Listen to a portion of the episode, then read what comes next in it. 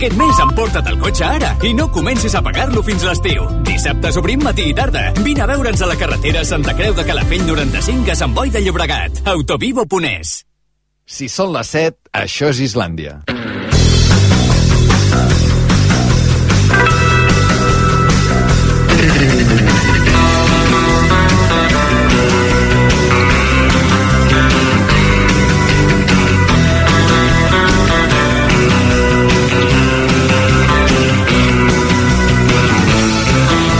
RAC1 Islàndia, amb Albert Ong.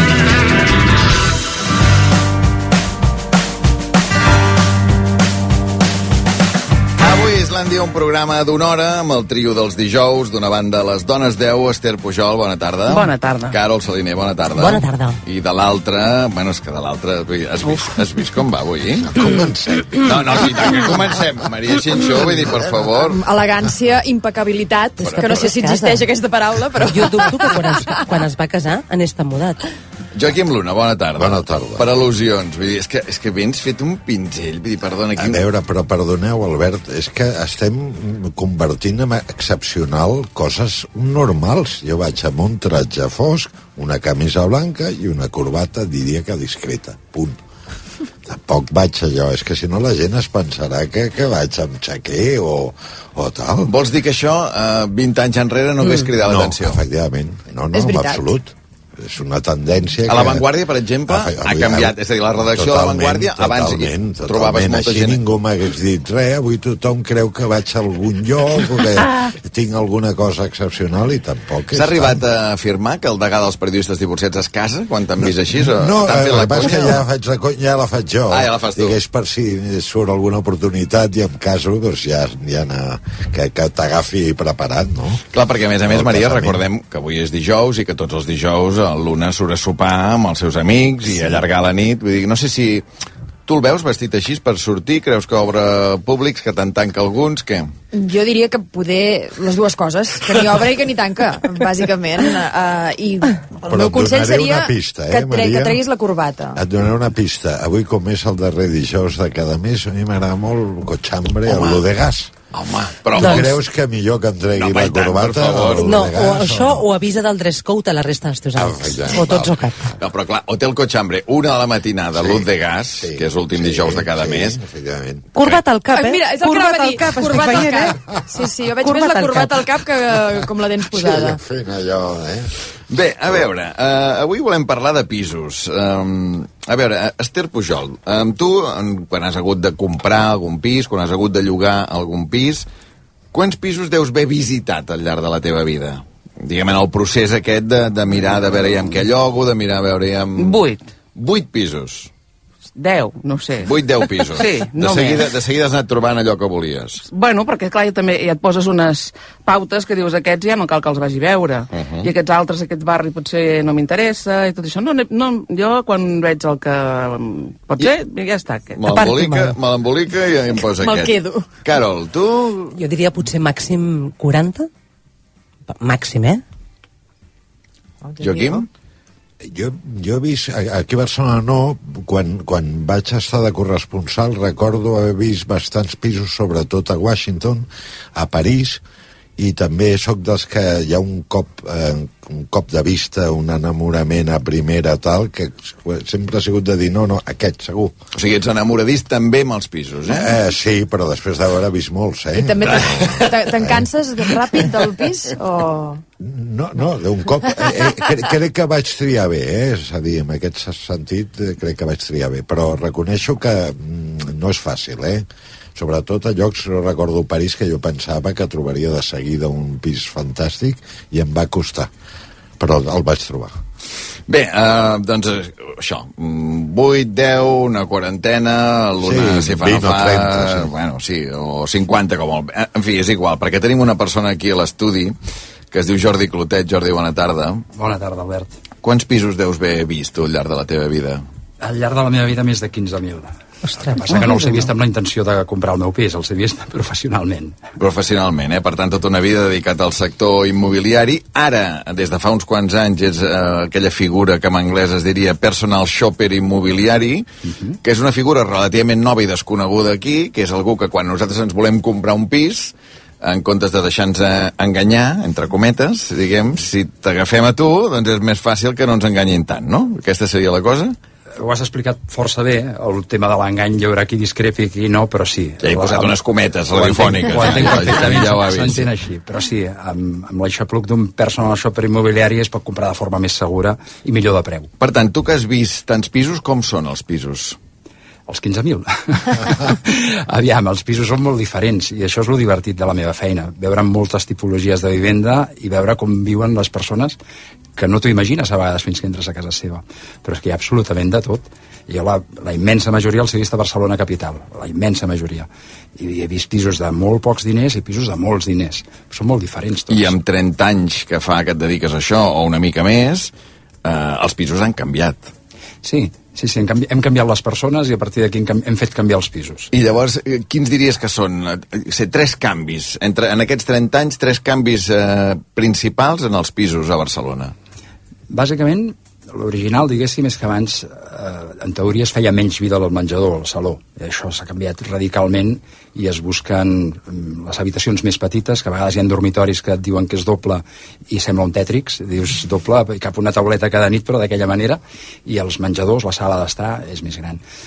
Després, un pas més és que les cuines són obertes. La majoria de cuines són obertes i quants més tipus loft, encara que tinguis tres fills, espais oberts. I després de la pandèmia, la valoració de les terrasses ha canviat totalment. Abans a tots ens agradava una bona terrassa, però ara és imprescindible. La llista de desitjos que fan els meus clients, difícilment algú no vol terrassa. Bé, eh, són alguns del, dels canvis dels canvis d'aquests pisos, es fa més vida als pisos, més vida al menjador, aquesta cuina oberta, en fi, canvis que han fet les persones i que també s'han vist aplicat als pisos. Pisos més petits, també, no? Hosti, que quan veies, això potser no amb 30 anys, però vull dir, abans aquells pisos de l'Eixample, d'un pis dels d'abans se'n en- se'n fan quatre, ara, Exactament, es segreguen perquè no té sentit tampoc, pisos tan grans. Bueno, no té sentit. Hi ha algú que busca exactament això, eh, però bàsicament aquests pisos s'han anat segregant i se'n fan, si no de dos, quatre vegades també. Bé, parlarem de pisos, que sàpigues que les dones 10 han preparat un rànquing, que ara el sentirem, i sàpigues també que al teu costat, Jordi, eh, Joaquim Luna ostenta un càrrec, a part de degà dels periodistes divorciats de Catalunya, molt recentment, que és president de la seva escala, eh? Carai, sí. quina, quina feina, eh? Sí, sí, perquè un sempre pensa que no, això no porta feina i Uau. Déu-n'hi-do. Fer-ho bé sí que porta feina. Sí, fer-ho, jo no, no bé, jo, però clar, no puc, no pots defugir de quan et posen una nota a l'ascensor que no funciona no sé què, i estic amb, aquest és un any complicat. Clar, els veïns és un d'aquests misteris quan compres un pis, no? Perquè, clar, tu compres un pis amb una escala que no saps qui viu. Mhm. Sí, exacte, uh, que pot ser una loteria, no? El pis et pot encantar, però després quan hi vas a dormir la primera nit pots dir què hem fet comprant aquest pis. Però hi ha formes de minimitzar els riscos. Per exemple? Nosaltres, part del nostre servei, no és només... La gent ens contracta per trobar un pis, però després no saben la feina que hi ha darrere un cop l'has trobat, que és fer una auditoria global, tant jurídica com tècnica i veïnal. Això li ha agradat a la cara, eh? Una auditoria no, global. i, i tant. És a dir, tu tens 60 dies per, per, per exercir el teu dret a dissentiment per uns pantalons, Sí. eh? I dius, "Mira, vostè se'ls mira, se'ls posa, s'hi pensa, dorm, i en canvi en un pis, ostres, tu no pots estar-hi vivint ni que sigui 15 dies a veure si em cauen bé els veïns, si les olors m'agraden, no ho sé, Això i seria poder-li l'ideal. tornar seria l'ideal. Sí, Però Com també els- és, és difícil que un propietari t'ho deixi fer. Hi ha el, el lloguer amb opció compra, però tam que seria també una, un terme mig interessantíssim, però després hi ha l'auditoria veïnal que fem nosaltres. Sí, però Jordi Clar. Clotet, com audites els veïns? Aviam, a cada veí tampoc, eh? Però hi ha una forma més fàcil. D'entrada no, cal, no té cap sentit que li preguntem al propietari què tal als veïns, no? Perquè tothom et diu, això és una bassa d'oli. Som com una família. Com el vestuari del Barça, no? Una bassa d'oli. Sí. Més o menys. Aleshores, preguntar-li a la immobiliària que t'interessa en vendre, tampoc té, encara en té menys de sentit, perquè no hi viu allà. Per tant, et pot dir honestament que no ho sé, el propietari m'ha dit això, o pot improvisar i dir com una bassa d'oli, com una família. Qui, no ens, qui ens dirà la veritat? Els de més veïns. O sigui, per un cantó nosaltres d'entrada demanem tres actes de comunitat, les tres últimes actes de la comunitat. Ah, o sigui, això t'aniries al president d'Escala? No necessàriament perquè això en Joaquim Luna sap que jo no sóc ningú per demanar-li un acte de comunitat d'una finca que no hi visc. Això només ho pot demanar el propietari.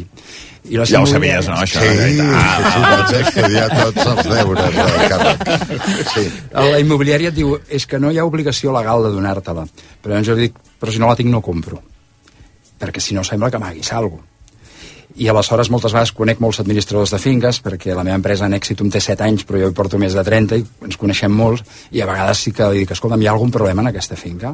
I t'expliquen cada cosa eh, que et poseu la, els, els pèls de punta, no? Penseu que un cop hem trobat un pis per una família que porten, que n'han vist 40, com deies tu, i, i al final dius aquest, que hem negociat el preu, que hem fet la validació jurídica, la tècnica, un de cada cinc pisos els descartem per tema de veïns. Imagina't. I Perquè us hi podeu trobar, per exemple. Trobem de tot, però que el que detectem és que és el motiu de venda.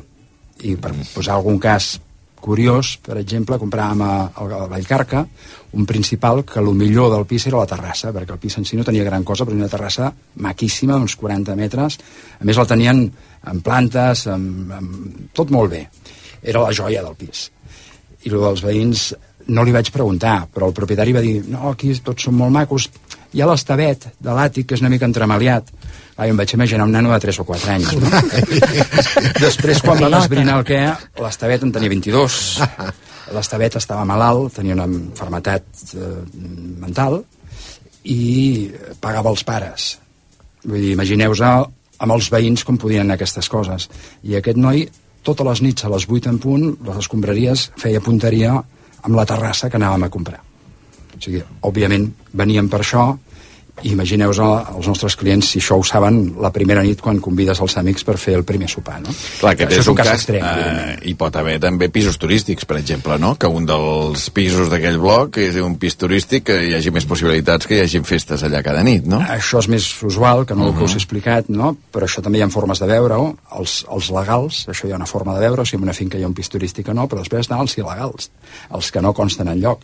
I això com ho fem? De 8 a 10 del matí ens plantem a la porteria de l'edifici i parlem amb tothom que surt d'allà. Tant si és a mi m'és igual si és llogater o propietari, viu allà, aquest sí que sap, i aquest no té un conflicte d'interessos per dir-te la veritat. I a més a més té interès en saber qui vindrà, perquè a un propietari li preocupa igual de dir que, que, que no el compri algú i el llogui, i el llogui estudiants, si em fotin aquí la festa cada dia. I aquests t'ho expliquen tot. Clar, tu has estat, um, o sigui, abans de ser personal shopper immobiliari, diguem, és a dir, abans d'acompanyar el comprador, el que treballaves era el sector immobiliari, treballaves amb una immobiliària, no? Diguem, Així estaves vaig- una mica a l'altra banda. A l'altre cantó. Durant la majoria dels meus anys i tota aquesta experiència és la que he volgut aprofitar per acompanyar el comprador. Però la majoria d'anys, tants com 25, vaig estar venent pisos. Primer de venedor, després de director d'una empresa... Clar, perquè una immobiliària no és un àrbit, diguem, que en teoria és neutral, no. diguem, no? O L'àrbit seria el notari, Albert. La immobiliària està I contractada... l'àrbit ja, ja hi arribes molt tard, I diguem. arribes molt tard. No, hi arribes ja quan... Fas, fas tard perquè allà ja s'ha adquirit compromisos. Clar, l'immobiliària cobra, o sigui, bàsicament el que vol és vendre, no? Vol vendre i està incentivada i té una comissió, com és absolutament lícit, ho he fet durant 25 anys, però quan més car ven, més cobra, que és lo normal, a més, no? El propietari, si volem vendre un pis, què farem? Agafar una bona immobiliària que faci un bon pla de màrqueting, que ens explica què farà, i li pagarem millor si ens salvem millor. Però com a compradors, l'interès és totalment oposat, diguéssim. A veure, anem a Dones 10.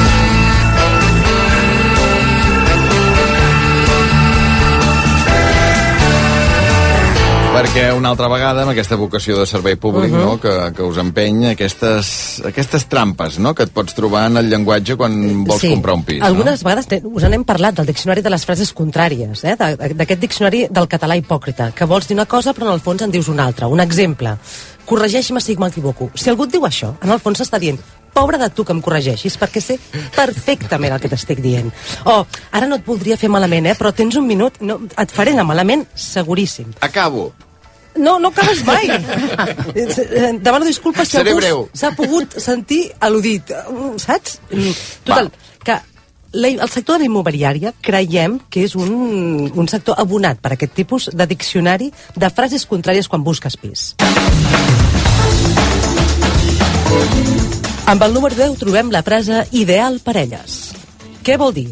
Que és un cau, un forat, un zulo, ideal per una parella molt ben avinguda. I una parella tancada. No la volguessis obrir, tu, aquella parella. Perquè te n'hi caben només dues persones. Un tercer Ah, individu... m'he cridat l'atenció quan veus no un hi anunci. Ideal parelles. Vol dir, Ah, mira, i estarem no, allà, no, no? és ideal, hauríem de dir, ideal Joaquim Luna, perquè el que aconseguirà aquell cau és fer divorciar aquella, aquella pobra parella que mentre estan molt ben avinguts, molt bé. Però què vol dir això? Que, que hauràs de despla... o sigui, que hauràs de dormir allà enmig del menjador com bonament puguis. Jordi, Això si per al·lusions algú en vols intervenir, si dius no, això ja no es diu, o que sigui... I tant que es, Es diu, ho he anat a mirar aquesta tarda. Per descomptat que es diu i, i fa gràcia, fa somriure, perquè és que és així tal com dius. dir. Ideal parelles vol dir d'estar molt ben avinguts. Amb el número 9 tenim una frase també que és acabat de reformar que seria una mica l'efecte quan et poses una mascareta facial, saps? Que diu promet peeling, hidratació, tot en un moment il·luminat. Aquell pis fa olor de pintura, l'hem posat una pintura que tapa les humitats, s'ha de vendre ràpid perquè quan s'assequen tornen a sortir, eh? Eh, Te posen una, aixeta, una pica nova, una aixeta d'aquestes altes, geomètriques, que faci molt, unes aixetes, canvien les aixetes, no miris sota la canonada, per si de cas, però fa goig, tot allò fa goig. És com el corrector d'ulls, que tu poses, tapes i sembla que no tinguis ulleres. Eh, no sé. Però també has de desconfiar d'acabat de reformar? No, home, jo m'ho miraria dues vegades.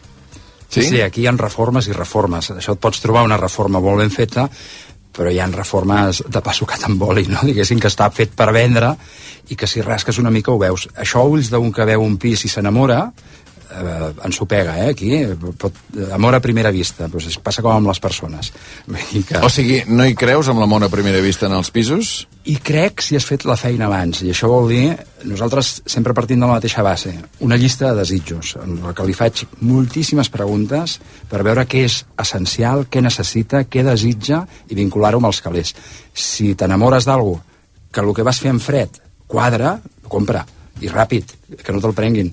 Però allò de dir, quina cuina més maca, i després donar-te en compte que no mm, tens espai pels teus fills, diguéssim, no té cap No, sentit. això és com les fotos de Tinder, no? no llegeix el text, mira-t'ho bé, això. No ho facis maig a la primera, home. És igual. Número 8, excel·lent ubicació, que traduït al, al diccionari de frases contràries vol dir a 5 minuts en cotxe de la primera parada de la Sarfa, que et portarà, que et deixarà a 5 minuts més de l'estació de Rodalies, on tu esperaràs 45 minuts, amb molta sort, un tren que et deixarà a una estació de metro a l'altra banda oposada d'on tu treballes. Això vol dir 5 minuts exactes del centre exacte del no-res. Excel·lent ubicació, a 5 minuts del centre. Clar, això és un clàssic, no? També buscar, Jordi, això, excel·lent ubicació, pis cèntric, no? Afortunadament avui amb el Google Maps pots estalviar-te tot això abans d'anar-hi, no? Però sí que fins i tot hi ha immobiliaris que et diuen direccions que no són certes i quan arribes allà t'hi acaben de portar en el pis, no? I dius, per què no m'ho dius? Però què vol dir que no són certes? Doncs no, diuen que en aquesta cruïlla perquè de vegades no tenen l'exclusivitat per vendre el pis i pensen que parlaràs amb el propietari directament i et fan anar a una cruïlla que tu dius ah, Montaner París, m'interessa i després dius no, no hem d'anar a Montaner París que, que hem d'anar tant, tampoc massa lluny El no, però dius, caramba, no, això és el que m'havies dit Continua sent excel·lent És l'ubicació. excel·lent, sí, excel·lentíssim. Depèn d'on vulguis anar, clar. Amb el número 7 tenim allò que diu finca a quatre vents. Quatre vents, no sabem ni els noms de quatre vents. Et venen al cap torres precioses, amb un jardí que dona el tot al voltant, no són cases adossades, hi ha llum per totes bandes. En realitat vol dir que hi farà molt fred, perquè no hi ha paret per enlloc, que un, tan vent, tan vent, no sabràs com escalfar-la. No, que tenim aquí els de no sé què energètic, el seguretat, aquesta cosa, el certificat nou. Finca a quatre vents, tindràs molt de fred. També tens raó, que totes les coses tenen coses bones i dolentes i l'estar en un àtic, per exemple, és exactament el mateix. Tens més llum, tal, però tens més fred i més calor.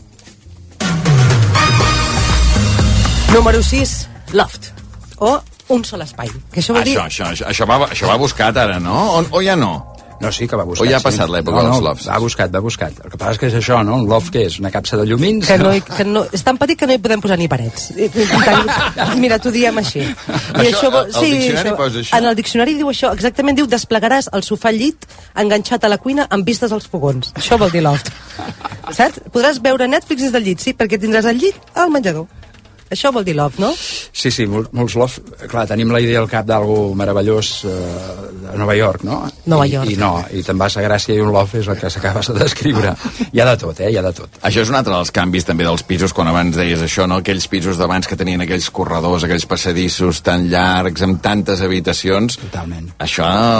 Això va fora i a més a més fan autèntiques meravelles. Eh? Els professionals d'això et fan d'un pis que era abans com un tren, amb tot passadís, i dius, ostres, com la, la, la cuina està al passadís, han tirat tots els tabics i queda un pis que s'aprofita una distribució més, no vull dir més intel·ligent, no? però sí més actual, no? les d'abans. El Jordi Clotet, com dèiem, que és personal shopper immobiliari, no? que ajuda la gent que, que vol comprar un pis. A més a més, has publicat un llibre que es diu Las siete puertas para comprar tu vivienda y acertar, eh? publicat per l'editorial Gestión 2000, on aquí també hi ha algunes de les pistes que estàs deixant anar, no? suposo? Sí, exacte. De fet, he escrit aquest llibre pensant en el comprador per empoderar-lo perquè rara és la setmana que no em truquen diverses persones i que no puc ajudar perquè no estan a Barcelona i en canvi, com ja ho veieu parlo molt no? i cada trucada d'aquestes m'hi extenc no? i tothom et diu és que no hi ha una guia com per poder comprar pisos i me'n vaig a la immobiliària que és el contrari et diuen no? i et truca el de Vigo, et truca el de Cádiz i vaig pensar, per què no ho poso per escrit això? Perquè, Jordi, si només eh, tens temps en aquesta trucada per donar un consell i has de penjar perquè has de marxar ja a veure un altre pis, quin és el consell de la, o sigui, la primera norma bàsica per dir, abans de comprar un pis, pensa això? Bueno, ara puc fer trampa i dir, compra el llibre. perquè aquí està tot. Però la tranquil·litat, vull dir, les presses no són bones conselleres. Fer les coses per ordre. Ja m'has demanat un només, ja, ja, ja, però d'entrada primer has de saber quin pressupost tens. Que hi ha moltíssima gent que està buscant pis que no el pot comprar, però moltíssima és moltíssima. Les immobiliàries fan una gran feina, moltes d'elles, la majoria, unes altres no, eh? Però atenen a clients que els hi fan perdre el temps, que no els hi donaran una hipoteca. I per això de vegades també s'encansen una mica i no fan. O sigui, primer, saber què vols, saber si ho pots pagar. I a partir d'aquí no et quedis tampoc amb el primer que veus, a no ser que estiguis assessorat, no? Però, perquè el primer no saps si el segon serà millor.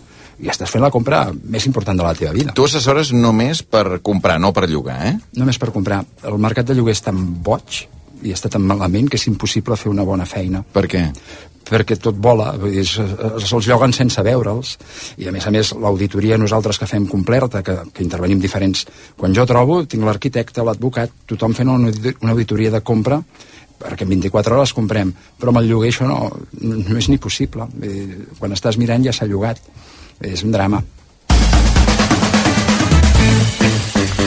Amb el número 5 tenim una altra frase que és pis amb possibilitats. Tu veus escrit possibilitats, no se sap quines de possibilitats.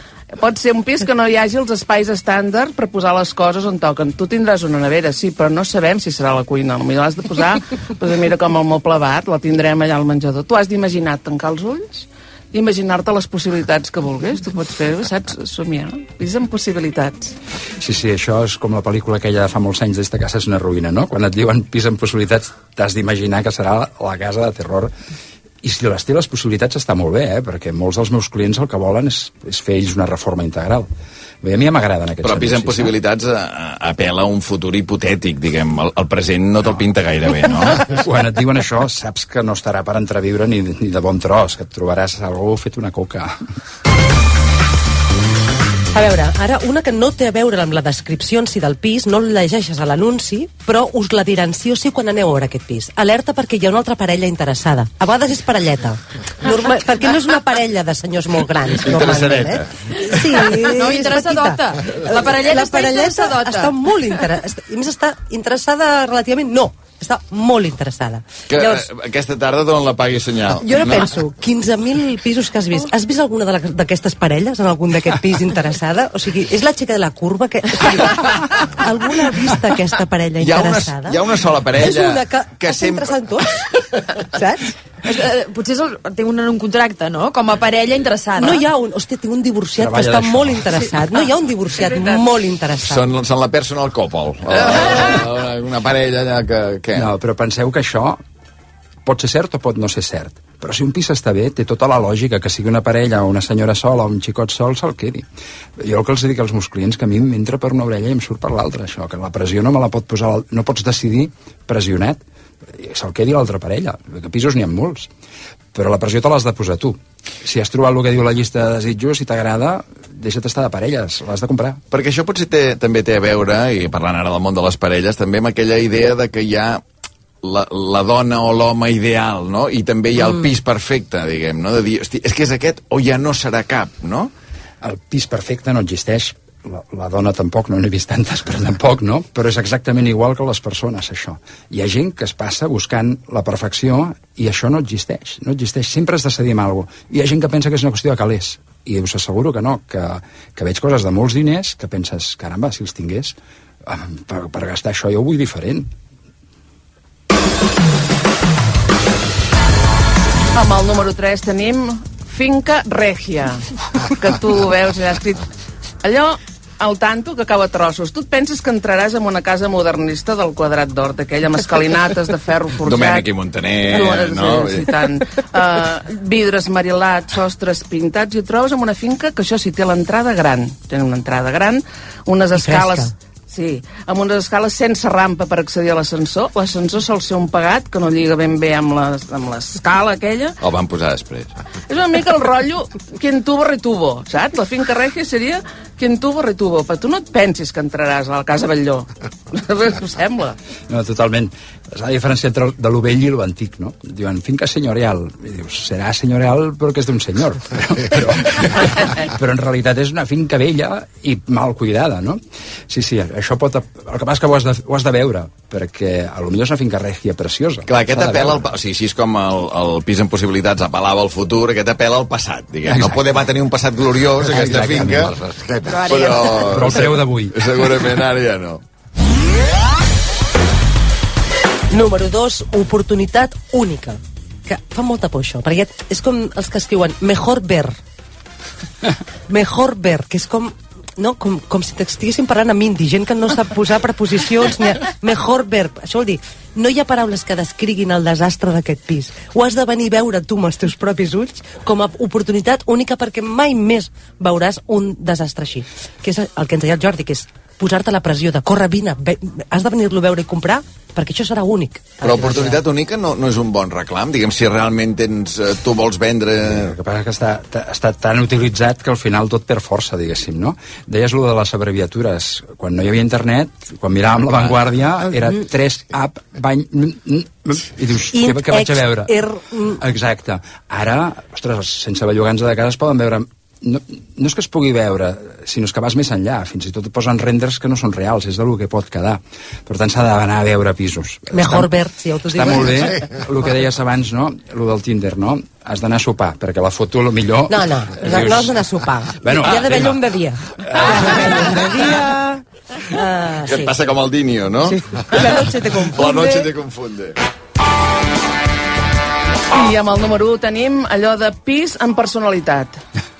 Traducció, vol dir és un pis estrany. Pot ser que hi hagi una columna al mig del menjador, un, uh, el sostre esbiaixat, que tu has de caminar allà com així ajupit, algun element incomprensible que dius, què fa això d'aquí cop? Quan apliquem amb una persona, diem, has vist el nòvio de, el nòvio de la Martina? I la dius, guapo, és, té molt, una cara amb molta personalitat. no sabríem... És boníssim, això. És que tens tota la raó. Ah, també es diu amb personalitat o és un pis amb caràcter que dius, bueno, però té habitacions, té parets, eh, té una terra... No, té molt- personalitat, molta té personalitat. Què més vols? Té tres Què més caràcters. vols? O sigui, Jordi Clotet, a veure si ho entenc jo. Uh, diguem, tu fas una mica la funció que tradicionalment ha fet la família, no? Que és dir, quan, uh, no sé, hi anem la parella primer a veure el pis, no? I llavors dius que, que vinguin els nostres pares, també, no? Així s'ho miraran uns altres ulls. Exacte. Això, en, en l'últim capítol del llibre poso els principals errors. I Per el això et primer, punxo, per això. I el primer és no facis cas a la família. No ho dic així. Fes-me més- cas a mi, Més no? subtilment. Per, no, fes-te cas a tu mateix, diguéssim. Mhm. Perquè si realment has fet els deures i has anat a veure en un temps determinat 30 pisos, que no cal veure en tants tampoc, eh? però has, anat has fet la teva feina, els teus pares no en saben d'això. I en canvi no hi ha pis prou bonic pel meu fill. Mai, igual que la parella. Sempre hi troben pegues. I diran, és que la papeta va comprar aquí al costat i per 15 milions de pessetes, i et parlen en pessetes, i què té que veure la papeta? Vull dir, si tu has fet bé la feina, que no et facin ara els pares perdre el pis. Amb tota la bona intenció que tenim els pares, amb els fills, no? Sempre hi No troben té- una pega. Ah, que sí. Jo aquí no hi tornaré perquè X, saps? Sí, sí. T'estan enganyant per tu mateix, no? I tu, Jordi, per la feina, diguem, tens la sensació que has de trobar pegues per justificar el teu sou o no? O En absolut, al contrari. El que passa que lo divertit de la meva feina és que si ara treballés per vosaltres cinc, és que sou cinc persones diferents, i és posar-me a la vostra pell.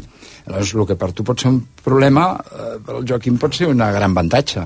I aquí està la, lo, lo bonic, no?, el saber-me posar Clar, la com que, vostra no, pell. com que no hi ha el pis perfecte, tu dius, mira, aquest pis té aquest problema.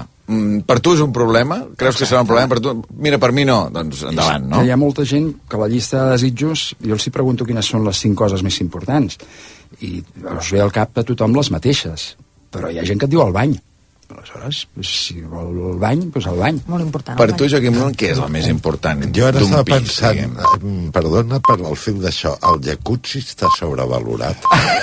absolutament està molt sobrevalorat? s'utilitza Joaquim dues vegades Efectivament, val. A veure- s'estrena Sí. i a partir d'aquí queda en desús Però em dóna impressió que està sobrevalorat, però que és un element que molta gent que tingui jacuzzi sembla... no, no, la publicitat està bany amb jacuzzi, Jacuzzi. i a l'hora de veure'l dius, ostres, que xulo, que maco Ui, aquí. Dius bany amb jacuzzi, però l'Eva Catalán, per exemple, fa poc va anar a veure un pis i es va trobar el jacuzzi al mig de, del menjador. Eh, que això seria un pis amb personalitat, no? pis amb personalitat. totalment, això no, eh, me'n falta aquest és falti no? Mira, has vist Que et 15.000? passi l'adreça després. 15.000 i aquest no. Doncs això que No, et per- deia, a, part del jacuzzi, que... No, eh, per mi la, la llum, jo valoro molt, bé, tinc, tinc la sort de viure en àtic, l- no tenir davant ningú. Això per mi és gairebé, et diria que primordial, eh? La resta, pues, però si tens ja llum i, no, i ni tenir vista, jo ja, a més, m'apanyo. Jo el que tenia molta curiositat, puc, puc preguntar... sisplau. Escolta, tu deus haver vist moltes parelles que quan... si Sempre estàs s'ho porten ensenyant un pis, dius, aquests aquests es No duraran divorcien, més no duraran. Deus haver vist tantes escenes d'aquestes no romàntiques, no? De, de... Mira, a part de la meva feina, a vegades, tal com venen al despatx, Sí. a l'hora de fer la llista de desitjos, estàs veient que busquen coses diferents Ah, veus? i que ella vol a prop de la mare Sí. i ell potser Jo- la sogra tan a prop no li acaba d'agradar. I ja l'exercici de fer la llista de Sí. desitjos ja fa unificar. I, I sí, he vist una mica de tot.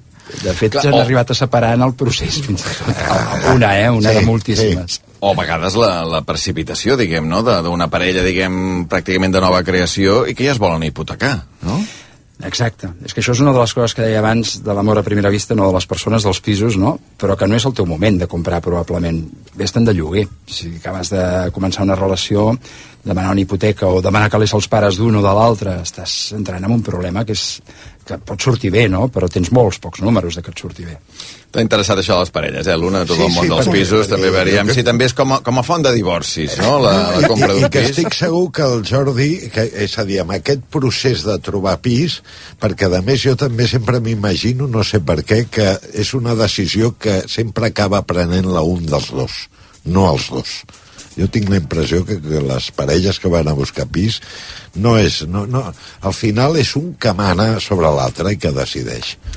Això, de vegades per això em venen a buscar, també, saps? Per, Per però- trobar però el un, fet de, sí, un sí. neutral, no? Com un casc blau, diguem. Sí, no? sí. Hi ha parts de la decisió també, eh? de dir l'econòmica és una i la reforma potser és una altra i el porta una part de la parella als calés i l'altra la reforma, mm. però cadascú el seu terreny. L'última, que estic molt fora de temps. Uh, quants personal shoppers sou uh, immobiliaris a, a Catalunya? Uf, no t'ho sé dir exactament, però quan vam començar a CAP i ara eh, fem 10 anys com a associació espanyola de personal shopper immobiliari, vull dir que eh, entenc que no és una cosa que es conegui molt, però fa- fa 10 anys que hi som, i som un grapat, i el que estic convençut és que en el futur la lògica serà que es- tothom pugui fer una compra assessorada a qualsevol lloc. Uh -huh. Las siete puertas para comprar tu vivienda i acertar és aquest llibre del Jordi Clotet, aquest personal shopper immobiliari que avui ens ha vingut a explicar a Islàndia. Gràcies, Jordi. Gràcies a vosaltres, m'ho he passat molt bé. 15.000 pisos vistos. Ara tornem. Islàndia, amb Albert Ong. Al supermercat Bon Preu Esclat Online amb la subscripció B-Pass i oblida't dels costos d'entrega. Subscriu-te ara a B-Pass des de només 5,99 euros al mes i comença a estalviar. Escull la modalitat de subscripció B-Pass que millor s'adapti a tu i gaudeix del cost del servei gratuït. A més, també gaudiràs d'un cèntim addicional de descompte per litre a les benzineres Esclat Oil. El teu fill està desmotivat amb l'escola? S'ha encallat amb les matemàtiques, la química o l'anglès? No és capaç de concentrar-se?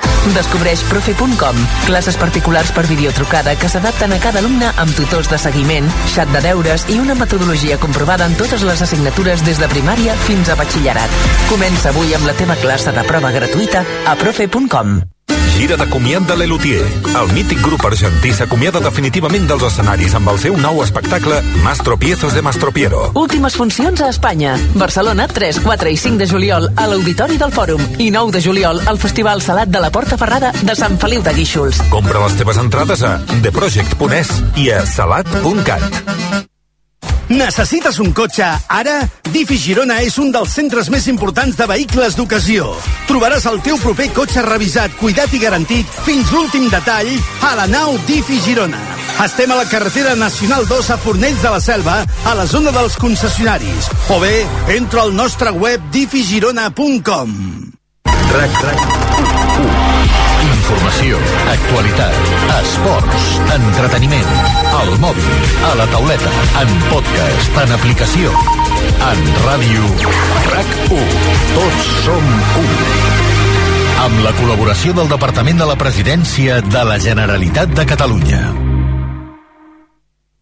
RAC1 presenta la segona edició dels Premis DRAC. Torna el drac que reconeix iniciatives. Idees, projectes i persones que han fet millor la nostra societat. En l'últim any, un jurat escollirà els guanyadors en quatre categories. Veu de l'any, innovació, sostenibilitat, històries amb ànima. I vosaltres decidireu qui s'endú el premi a la categoria Tots som u. Voteu a racu.cat i optareu a guanyar una tauleta electrònica. Tornen els Premis DRAC. La segona edició dels premis creats per RAC1. Tots som. Amb el patrocini de CaixaBank, Kia, FIAC Assegurances i Unió Suïssa Joiers. amb el suport de la Generalitat de Catalunya. Evans, proveïdor tècnic oficial. Organitza Activity Experience. Islàndia, amb Albert Ong.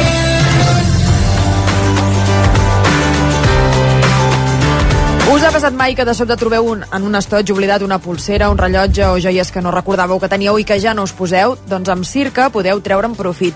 Són experts compradors internacionals d'alta joieria, rellotgeria i diamants i compraran les peces que ja no utilitzeu i us en faran el pagament de manera immediata. Demaneu cita a circajewels.com o al 93 215 76 78. Dos quarts i mig de vuit.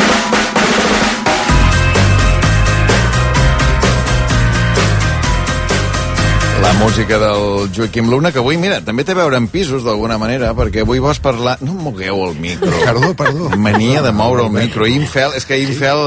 Va fer de les seves, no?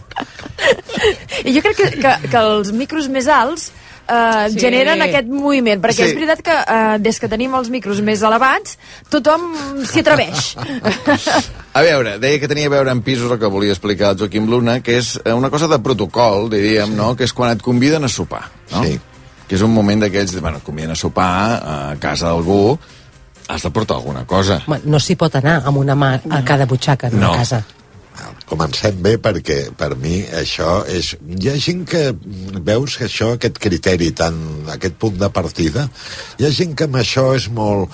No, bueno, si tindran de tot, no sé què, tal. Jo mm, crec que s'ha de partir, com diu la Carol, que alguna cosa s'ha de portar. I no val allò de dir, és que ho he preguntat i m'han dit, no, no, no, has de No. portar res, perquè... Que voleu que portem alguna cosa? No. No, no Diccionari cal. de frases contràries. Pobre de vosaltres que vingueu amb una mà a la butxaca. Ara, ara. Per tant, tenim clar que Sí. s'ha de portar alguna cosa. Efectivament. Clar, el problema que jo em trobo, i, i amb això no sé si eh, donaré solucions o faré respostes, és que molt sovint, depèn de les circumstàncies, no acabes de saber una mica què és el cas de... què és el detall. Perquè això normalment acaba sent un detall. Bueno, què vol dir un detall? Jo llavors, a, a, cop de- d'equivocar-me, doncs ja més o menys he arribat a uns certs criteris, no? El, el meu primer criteri eh, fonamental, a part de que has de portar, que si és per portar una merdeta, no portis res. Què entenem per Una merdeta. A veure, Ja dic. O sigui, què és el que no es pot portar A veure, mai? una cosa que t'han portat a tu i que no t'agrada massa. Eh, saps allò de dir, ostres, aquest vi que a mi no m'agrada perquè no sé què. Mira, saps què? el porto. I el lot, del lot de Nadal... El lot de Nadal No? tampoc, eh, tampoc s'ha de fer. Llauna d'espàrrec. Eh, cosetes, eh, cosetes eh, que jo he viscut alguns casos que he passat vergonya de galetes d'aquelles, no sé, una caixa de galetes que, que no costen eh, 5 euros al súper.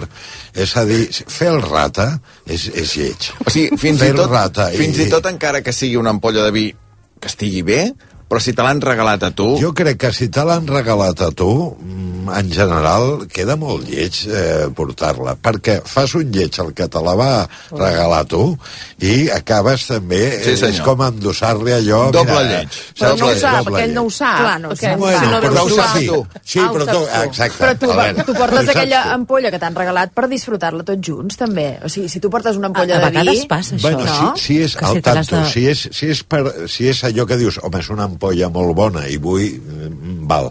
Però jo estic pensant més aviat amb aquest, sí, sí, sí. que coneixo, que diu, mira, saps què? No sé, vinga, agafo aquesta ampolla I ja i l'encolomo. No, evidentment, si és un vi extraordinari i l'esperit és aquell que li agraden els vins, li porto perquè ho gaudirà, sí. Però jo he vist més aviat gent que aprofita qualsevol cosa que té a casa que no li agrada massa per dir, mira, porto això o, o tal. Per tant, no, no, No- no norma fem número el 1, rata. no reaprofitar No. no. regals que t'hagin fet a tu. Efectivament. I no fer el rata. I no fer el rata. Llavors, què podem portar? Perquè, a més a més, clar, tampoc és el mateix, diguem, si et- una cita, diguem, si Clar, tens una cita, clar. que si vas a casa dels sogres, per exemple, no? No? Efectivament, però els sogres... casa els sogres també s'hi ha de portar alguna cosa. Home, i tant. Sí, Ah, però que sí, que siguin sí. els cosins o els germans. S'hi ha d'anar sempre amb alguna cosa. Sí. Costa Sobretot, res. sí. clar, potser no cada vegada que hi vas, però vull dir, no... A veure, jo crec que cal als sogres... Sí, a veure, també depèn... eh, Si, si és allò típic, el dinar de diumenge, que imagino que és la situació típica, home, si ells han currat el, el, el dinar, dius, és que no sé, la sogra, el sogre han fet aquell plat que s'ha estat 3 hores i tal. Canelons. Jo crec que es mereixen el detall. El detall se'l mereixen. Per exemple, un detall que està molt bé, eh, si a l'home per dir alguna cosa li agrada, no sé, tal licor, i a lo millor ell no s'atreveix a comprar-lo perquè, jo què sé, perquè no li convé o no és car, tu aprofites i dius, eh, li porto O la jo, dona, també. que sé Sí. que li farà Sí, les dones il·lusió. també bevem licor, I a eh? les dones Ah. també, perquè si ha estat fent no sé què i quantes hores, doncs dius, home, algun detall. Jo, cre... jo, jo també sóc partidari de no fer, no ser Anem veure, a veure, originals, eh? moment, eh? No ser molt originals. A les dones, a les dones originalitat- li portes el licor perquè ha estat moltes hores a la cuina i el, i el senyor li portes el licor perquè, mira, és un regalet i no li convé, eh? Tens Ojo, eh? a veure, no, deixa'm... Home, eh, clar, jo, jo penso en, en aquesta divisió de la feina, que és cert que lo, a lo millor ha sigut a l'home, eh? però vull dir, eh, o, o els dos, agrair-los, jo crec que s'ha d'agrair, que són sogres, ja ho sé, ja ho sé que són els sogres i, i, i, i això pot, Agrair pot, sempre, agrair pot sempre. animar Però a no porto res. Es pot però sortir del cosa tòpic, és a dir, de... perquè, o sigui, el tòpic, a mi què em diria, diguem, uh, si, si ara fessis un rànquing de les coses que més porta la gent a les cases quan els conviden a Són sopar, tres, són tres. serien uh, ampolles d'alcohol, vi, Sí. cava, no? Licor, que sigui, vermut, sí. també pot ser. Sí. polles... Uh, Postres. Postres i, I flors. flors. Flors. Va. No, jo, jo, Albert, si tu tens mejóramelo. Si tu tens alguna cosa millor, em sembla molt bé, perquè a més denota que millor t'has esforçat buscant el regal. Però ja dic, al tanto amb ser originals. És a dir, si no has trobat aquest regal que dius que li agradarà, doncs escolta, llavors més val eh, bones el bol, limoneses. les flors o, o xocolata. Per exemple, amb, cit, amb una cita. Sí. Uh, tu et convida una dona ara a sopar a casa seva, No m'ha passat gairebé mai, eh, una primera cita que consti, eh? Si Bueno, cita, és igual, que no, Ah, sigui, és igual segona. que no sigui la primera Segona. cita, vull dir que, Eh. que heu anat a un restaurant Sí, primer o sí. a casa teva, no sé què, Val, i llavors un val, no dia primera et convida cita, a casa, a casa seva. Sí. Què portes tu? Jo, jo crec que és que depèn de les persones. Hi ha, hi ha persona que valorarà moltíssim que diguis, hosti, mira, ha portat, no sé, una cosa exquisita que normalment hi ha coses que no compra. El raspall de dents. Ah, A coixinera. Pijama. A coixinera. però, però sempre hi ha coses que dius, no, això m'ho podria comprar, però no m'ho compro perquè, perquè és molt car. Doncs, doncs aquest tipus de regal, alguna ampolla especialment bona, uh -huh. alguna cosa... Jo també he anat a vegades gent que diu, no, que han anat a sex shops, festes que es fa una festa i eh, ens regalarem coses de sex shop, val. jo no m'atreviria a les primeres de canvi a, a aquest tipus de regal del sex shop, però en determinats moments pot ser original és un regal, és a dir, no faria eh, experiències allò vales de que comprometen. Per Això tots dos, tampoc diguem. ho faria. Entrades per un concert per anar tots Ah, dos. efectivament, no. perquè pot passar una cosa, que aquella persona digui moltes gràcies i vagi amb una altra, o amb una altra. M'entens el que vull dir? Per tant, jo no faria regals per dos. Faria coses eh, que li facin i puguin fer il·lusió a aquella persona. I depèn d'aquí, doncs és, és, és més fàcil. Després no pots fer el ridícul, que jo també he viscut eh, aquestes situacions, quan algú et porta alguna cosa que la fa passar perquè és molt bona, com dient aquest... Jo, un exemple, sopar a casa d'una amiga, eh, bona anfitriona, i anem tres amics convidats algú havia estat a Bielorússia i tenia unes llaunes no de caviar, tot i que l'etiqueta posava caviar. Saps allò? Agafes allò i dius, mira, portarem caviar. Jo deia, escolta, això no és caviar, això són hueves de no sé què, ous de tal. Què va passar? Clar, no, no, que el caviar, no sé què. Tu plantes allò a la taula, la gent ho comença i notes aquell silenci de dir, eh, de dir aquests tios es pensen que, que, que no hem tastat o, o que som tan pocs iberites que ens donaran el caviar. És a dir, tot el que faci quedar malament, i jo vaig dir naturalment, dic, escolta, això hem dit que era caviar, però ja veieu que no és caviar. O és aquella a dir, gent que et porta... Enganyar no. O aquella gent que et porta una ampolla de vi i et fa saber el que li ha costat. Ah, això tampoc ho faria Ui, van mai, dir, escolta'm, uh, que és bo, eh, aquest vi. Saps, sí. saps com m'ha costat, aquest vi? El que passa, Albert, que jo també, jo també he vist algunes vegades gent que tu, a lo millor li portes un vi de conya i fa el comentari de dir, mira, eh, el prendré el diumenge amb grassosa.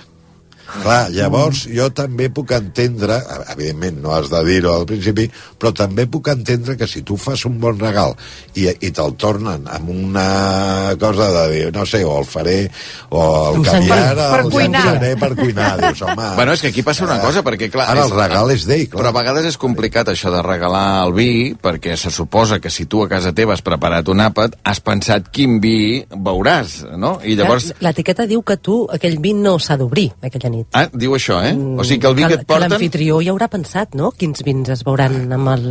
Però amb això jo sóc flexible perquè a vegades hi ha gent que tu li portes una cosa i diu, va, anem a veure-la tal. Jo amb això no, veus, penso que segons cada cas i, i cada situació, no?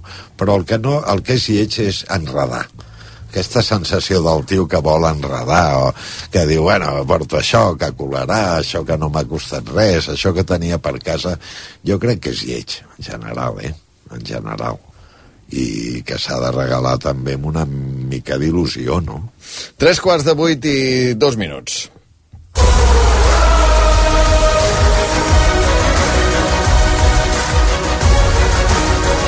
Deixem anar a Manchester, que queda una mica menys d'una hora i quart perquè comenci el partit. A partir de les 8, ja ho sabeu, el Barça juga a rac amb tota la prèvia, però és que ja tenim 11. Marta, Ramon, bona tarda. Hola, bona tarda. Digue'm la temperatura abans de l'11, va. Doncs ara devem estar a uns 6 graus de, de temperatura. Encara, encara. Encara, no, encara. Sí que és veritat que encara baixaran una miqueta més durant el partit, però venim super preparats, o sigui que no crec que passem fred. Quina enveja, avui ple 74.000 persones aquí, aquí en aquest camp, amb més de 2.000 aficionats del Barça, i amb quin 11 sortirà els de Xavi? Doncs l'11 que cantàvem ja i el tu diràs, amb Ter Stegen a la porteria, Araujo, Koundé, Christensen i Valde a la defensa, Busquets de mig centre, completant el mig del camp Kessier i De Jong, al davant Rafinha, Lewandowski i el quart migcampista abocat a l'atac Sergi Roberto. És exactament, eh? Aquí, aquí la veu clavar, eh? El Departament d'Alineacions, sí. eh? Sergi Roberto jugant una mica en el, en el lloc de Gavi. Tenim 11, també, em sembla, Laia Coll de, del Manchester, eh? Sí, tenim l'11 de Tenag per jugar avui aquest transcendental partit. Només hi ha un canvi respecte a la setmana passada al Camp Nou entre Lisandro Martínez, que estava sancionat en el lloc de Malàcia. L'11 per jugar avui contra el Barça és el format per Gea a la porteria, defensa Juan Bissaka, Baran, Lisandro Martínez i Xó, el doble pivot Casemiro i Fred, línia de 3 al davant de tres mitges puntes amb Bruno Fernández, Becors i Jadon Sancho i en punta Rashford. Veurem si, sobretot a la part atacant, aquesta és finalment la disposició, però de moment la UEFA ens ubica els 11 futbolistes d'aquesta manera que us els hem explicat. S'han fet sentir molt o s'han deixat veure molt, eh, Marta, Laia, el, aquests més de 2.000 aficionats del Barça que són a Manchester avui? Avui, a mesura que han anat passant les hores, que s'anava apropant a aquesta hora de, del partit, cada vegada hi havia més xup-xup al centre de Manchester i al final s'han aplegat un miler d'aficionats blaurana a tocar de, de la catedral i la veritat és que s'ha viscut una bona jornada. T'haig de dir que he estat parlant amb algun d'aquests seguidors que han viatjat aquí a Anglaterra. No eren molt optimistes, això sí, han dit que animaran fins a, al, al final avui al Barça. Veurem quina veu els hi queda després de tots els càntics que han fet durant el dia. I em sembla que la Marta s'ha quedat amb ganes de dinar al mateix lloc on menjaven les directives avui, eh? Sí, perquè feia goig, A eh? veure, explica, Ah. explica, com era, on, on era, no? On Eh, t'han eh, anat a eh, dinar? és, és que l'edifici era xulo, es diu The Ivy i està en una zona de Manchester que és així mm, molt cuca, que es diu Spinning Fields, i era com una mena d'edifici amb molta vegetació, molt cuidat, amb tots els finestrals allà molt ben guarnits, i al seu interior les sales super ben decorades, a la Maria li hagués agradat també, i el menú era com així brunch, que jo tot, tot el que siguin uh, brunch així una mica d'estil m'agraden, però és que a més a més hi havia una mica de, de cuina eclèctica amb influència asiàtica, o Carai, sigui que espectacular, jo ja m'hi hauria quedat. I Sí, què has sí. acabat fent? Un arròs bullit, tu? sí, sí, arròs bullit. Uh, arròs bullit, però amb un canoli de xocolata amb el tallat. doncs escolta'm, avui us sentirem, ens feu molta enveja, avui poder ser Old Trafford. Ja, ja has anat mai, l'una, tu no, eh? No, no, i m'agradaria, evidentment. És una catedral d'aquelles del futbol que, que un cop a la vida espero anar-hi. Marta, Laia, vosaltres dues, eh, algú s'estrena aquí? Jo m'estreno a Old Trafford avui, em fa moltíssima il·lusió, perquè a més parlant així amb companys eh, periodistes d'aquí a Anglaterra, diuen que aquí la majoria d'aficions tenen més tirada cap a la Premier, però que Old Trafford especialment és un camp que li agraden molt les nits europees. Avui es veu que hi ha moltíssima expectació, que tothom té moltes ganes de- d'aquest partidàs. Barça i Manchester United, ho hem anat explicant, tenen camins una mica paral·lels en aquest procés de tornar entre els més grans de- d'Europa i avui és un bon test. Eh, tothom té moltes ganes, tant Barça com United, de fer un partidàs i d'imposar-se al terreny de joc. Aquí l'últim cop que va venir el Barça i que vam, vam ser aquí va ser el 2019, quarts de final de la Champions, era el camí cap a la Copa Linda eh, de, de Messi, que tenia moltes ganes de guanyar aquella Champions, però després d'eliminar el Manchester, el Manchester United eh, va passar el que va passar, la tragèdia d'Anfield, i no cal que recordem No, però re, com, aquí com va anar bé, aquí va anar temporada. bé el 2019. Disfruteu molt, us escoltem a partir de les 8. Gràcies, Perfecte. Fins ara, Laia, gràcies, Marta. Pausa i continuem aquests últims minuts encara. RAC1 El futur no és trobar l'elixir de la immortalitat. El futur és que les persones cuidadores estiguin ben cuidades. Amb la targeta cuidadora, les persones cuidadores ja poden accedir a recursos gratuïts com suport psicològic les 24 hores, acompanyament especialitzat i activitats a tota la ciutat. Entra a barcelona.cat barra targeta cuidadora i informa-te'n. El futur ja és present. Ajuntament de Barcelona. Atenció! Ocasión Plus obre botiga Lliçà de Vall, la nostra quarta botiga a Barcelona. I per celebrar-ho, llancem la baixada de preus més gran de la història. 5.000 cotxes amb descomptes de fins al 40%, tan sols fins a final de mes. Ocasión Plus, ara a Lliçà de Vall, Avinguda Puigcerdà 14, a Terrassa i Mataró i a ocasionplus.com. Obert cada dissabte matí i tarda. Arriba una nova dimensió Volvo a Barcelona. Volvo Diesel Auto La Maquinista, al carrer Potosí 4. Tota la gamma Volvo amb condicions irrepetibles dins un nou punt de venda amb la qualitat en el servei i l'atenció al client que sempre ha caracteritzat a Diesel Auto. Visita'ns ara i aconsegueix el nou Volvo XC40 amb entrega immediata. Volvo Diesel Auto La Maquinista. Diesel Auto. Pensant en tu. Coneixes la nova gamma electrificada de Nissan? Has sentit parlar de la nova tecnologia e-Power? Vine fins al 25 de febrer a provar un dels nostres nous models i entraràs al sorteig per aconseguir un dels 50 forfers dobles que sortegem per passar un dia a la Molina. Consulta les condicions a la web dels concessionaris adherits. Nissan Romauto, Nissan Motor Llançà i Nissan Santi Enrique. Pròxima estació, Barcelona. Correspondència amb Mogauto Volkswagen City Store. Ja és aquí la primera store de Volkswagen al centre de Barcelona. Descobreix les darreres novetats de la gamma híbrida i elèctrica de Mogauto Volkswagen i viu una experiència 100% tecnològica. Podràs configurar el teu model favorit a Gran Via cantonada Padilla. Mogauto.com La meva filla comença la universitat i encara no sap quin grau estudiar. M'agradaria veure els laboratoris i les aules on faré les classes pràctiques de la universitat. Vull saber quines són les sortides professionals del grau que ha triat. Jo preguntaré als estudiants què volen. Vine a les portes obertes de la URB el 24 de febrer. Inscriu-t'hi a portesobertes.urb.cat. A la Universitat Rovira i Virgili, el futur és teu. A Sant Boi hem fet de la nostra Unió una ciutat que cuida el medi ambient. A només 10 minuts de Barcelona trobaràs Sant Boi Motor Ciutat de la Mobilitat Sostenible. Ofertes úniques per estrenar avui mateix el teu cotxe o moto. Sant Boi Motor Ciutat de la Mobilitat Sostenible. 35 marques al teu servei. Amb el suport de l'Ajuntament de Sant Boi de Llobregat. Si ets dels que no saben esperar, no cal que esperis per tenir el teu nou Ford. A la xarxa Ford de Catalunya disposem d'unitats amb entrega immediata. Descobreix la nova mobilitat. Descobreix la gamma electrificada de Ford. Aprofita ara. Ofertes especials només aquest mes. Afanya't. Unitats limitades. La nova mobilitat és cosa de Ford. Xarxa Ford de Catalunya. Seat Flex és la manera més flexible de tenir un Seat. Ara tens Seat Flex. Tria el teu Seat sense pagar entrada pel temps i els quilòmetres que vulguis, amb garantia i manteniment inclosos. I al final, decideix si el canvies, el tornes o te'l quedes. Seat Flex, la compra flexible que es mou amb tu. Informa't a Ondinauto. T'esperem a Barberà del Vallès, Ripollet, Rubí, Sant Cugat i Manresa. Restrena cotxe Autovivo. Escull entre més de 350 vehicles, quilòmetre zero, gerència i seminous directes de concessionari i amb etiqueta ambiental totalment garantits i que podràs finançar al 100%. Només aquest mes emporta't el cotxe ara i no comencis a pagar-lo fins l'estiu. Dissabtes obrim matí i tarda. Vine a veure'ns a la carretera Santa Creu de Calafell 95 a Sant Boi de Llobregat. Autovivo.es Islàndia, amb Albert Ong.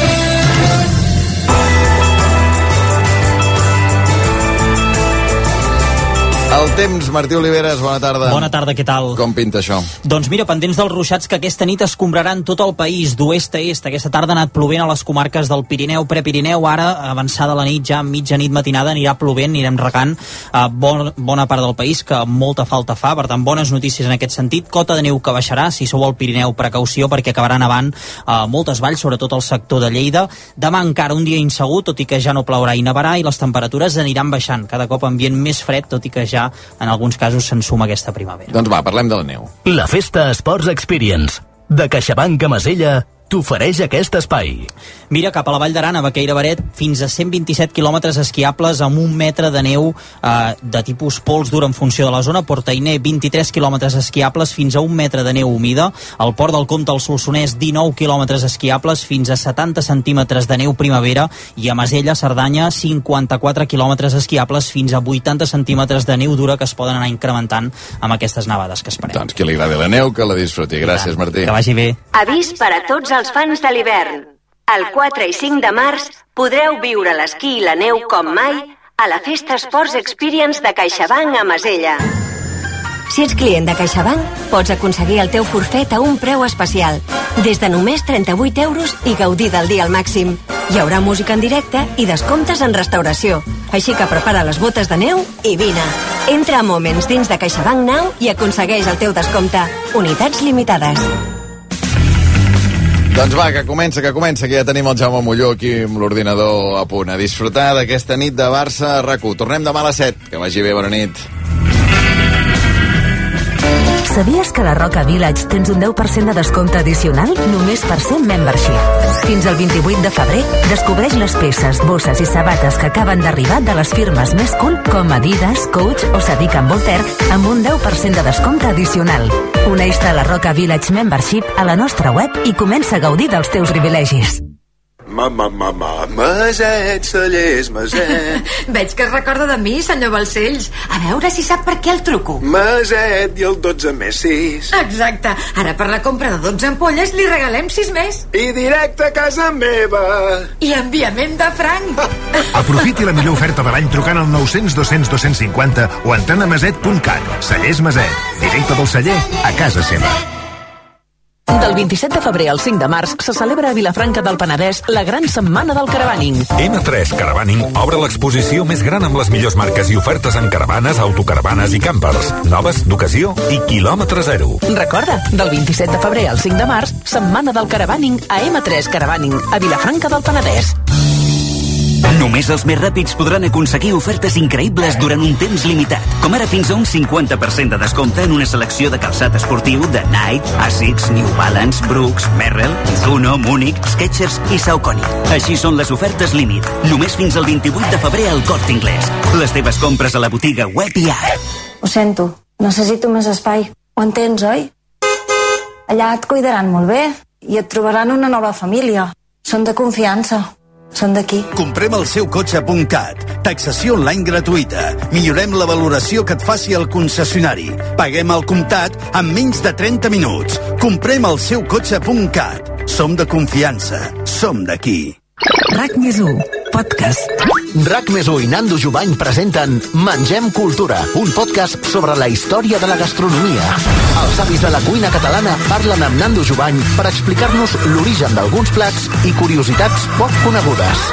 Jo penso que l'Escudella, eh, en aquests moments, la societat catalana l'ha canonitzat, l'ha fet santa. Carme Ruscalleda, Joan Roca, Oriol Castro i Eduard Xatruc del Disfrutar o els Fratelli Colombo seran alguns dels protagonistes de Mengem Cultura. La pizza és catalana, tu lo sabes. Tu saps que la pizza la vam inventar els catalans. Desde que vengo aquí todo catalán, hasta la pizza. Mengem